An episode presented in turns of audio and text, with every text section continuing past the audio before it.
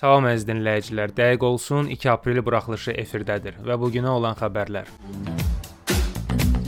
Volkswagen şirkəti adını dəyişdi. Çinin yeni ən varlı adamı kimdir?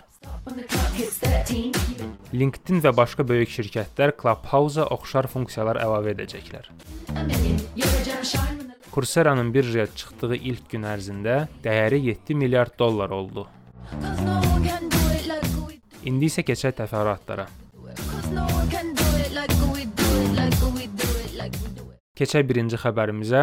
Volkswagen şirkəti haqqında olacaq. Bazar ertəsi avtomobil istehsalçısı Volkswagen elektriklə işləyən maşınlarını reklam etmək üçün adını dəyişdirdiyini iddia edən bəyanatı qısa müddətli veb saytına yerləşdirdi, amma sonra sildi. Daha sonra ABŞ-da elektrikli maşınların reklamı üçün şirkətin adını Volkswagen-ə dəyişdirildiyini sosial mediada bəyan etdi. Çərşənbə axşamı şirkət zarafat etdiyini açıqladı. Volkswagen əvvəlki xəbəri sildikdən sonra etdiyi açıqlamada ad dəyişmənin 1 aprel zarafatı günə uyğun bir elan olduğunu dedi. Tezliklə bu mövzuda əlavə yeniləmələr təqdim edəcəyik deyə onlar əlavə edib. Bundan əvvəl Alman istehsalçısının Wolfsburgdakı qərargahındakı təmsilçilərindən biri marketinq departamentinin bu hərəkətini maraqlı bir fikir adlandırmışdı. RCA reklam firmasının ABŞ üçün baş strategiya direktoru Tom Morton mövzunun zarafat üçün çox həssas olduğunu deyir.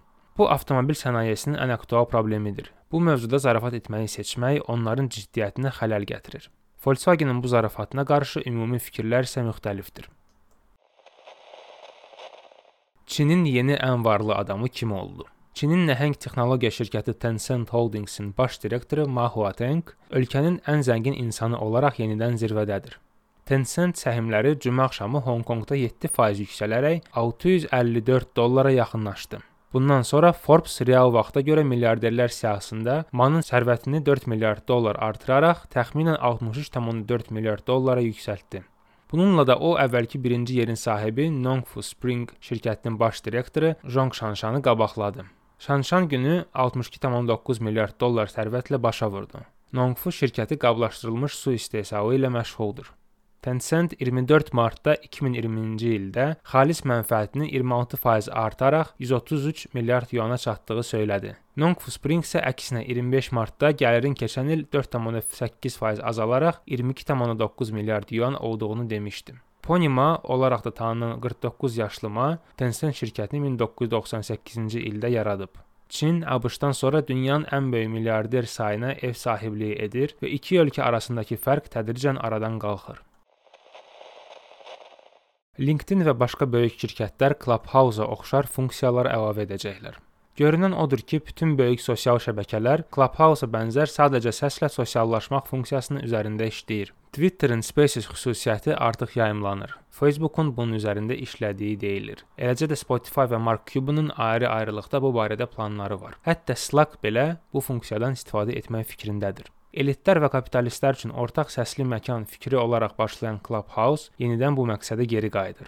Peşəkarlar üçün sosial şəbəkə LinkedIn TechCrunch-a məlumat verib ki, o özünə məxsus səs şəbəkəsi xüsusiyyəti üzərində işləyir. Məlumatda peşəkar şəxsiyyətlərlə əlaqəli unikal bir səs təcrübəsi yaratmaq üçün bəzi erkən testlər etdiyini əlavə edərək söylədi. Üzvlərimizin öz cəmiyyətləri ilə daha sıx əlaqə yarada bilməsi üçün tədbirlər və qruplar kimi LinkedIn-in digər sahələrdən bu xüsusiyyəti necə gətirə biləcəyimizi araşdırırıq.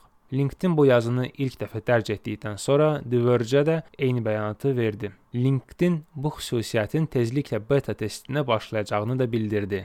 İlkin göstərilən nümunələrdən görünür ki, Clubhouse və Twitter Spaces kimi LinkedIn-də də mərkəzdə natiqlər və ekranın aşağısında tamaşaçılar siyahısı olacaq. Coursera-nın birjaya çıxdığı ilk gün ərzində dəyəri 7 milyard dollar oldu. Onlayn təhsil təminatçısı olan Coursera 9 ildir fəaliyyət göstərir və Kaliforniya Mountain View-da yerləşir. Şirkət səhmlərinin ictimaiyyətə açıldığı ilk gündə güclü performans nümayiş etdirmişdi. Şirkət açılışı 33 dollar səhm qiyməti ilə başlasa da, səhmləri günün sonunda 45 dollardan alınırdı. Bu gün də səhmlərin qiyməti artmağa davam edir.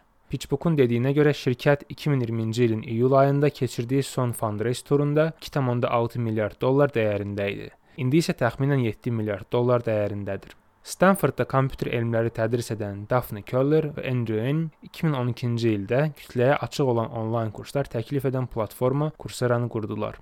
Onların məqsədi dünyanın hər yerindəki tələbələrə ən yaxşı universitetlərin professorları tərəfindən öyrədilən kurslara pulsuz giriş imkanı vermək idi. Əvvəlcə Coursera heç bir akademik krediti təklif etmədiyi üçün kursları ödənişsiz edirdi. New York Times qəzeti kimi böyük kütləvi informasiya vasitələri Coursera və ona bənzər platformalar olan Udacity və edX haqqında müsbət fikirlər yazmağa başlayanda bu platformalara tələbə axını başladı.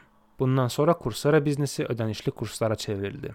2017-ci ildə şirkətə yeni rəhbər gəldi və şirkəti yeni bir yola yönəltdi. Onun rəhbərliyi altında ödəniş edən hər bir tələbəyə 150-dən çox qurumdan müxtəlif kurslar satan Coursera bu sahədə liderdir.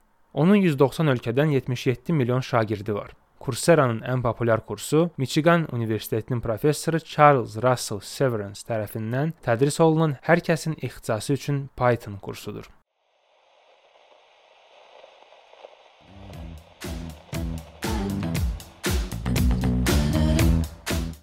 Əziz dinləyicilər, bu günlük bu qədər. Növbəti buraxılışda görüşmək ümidi ilə.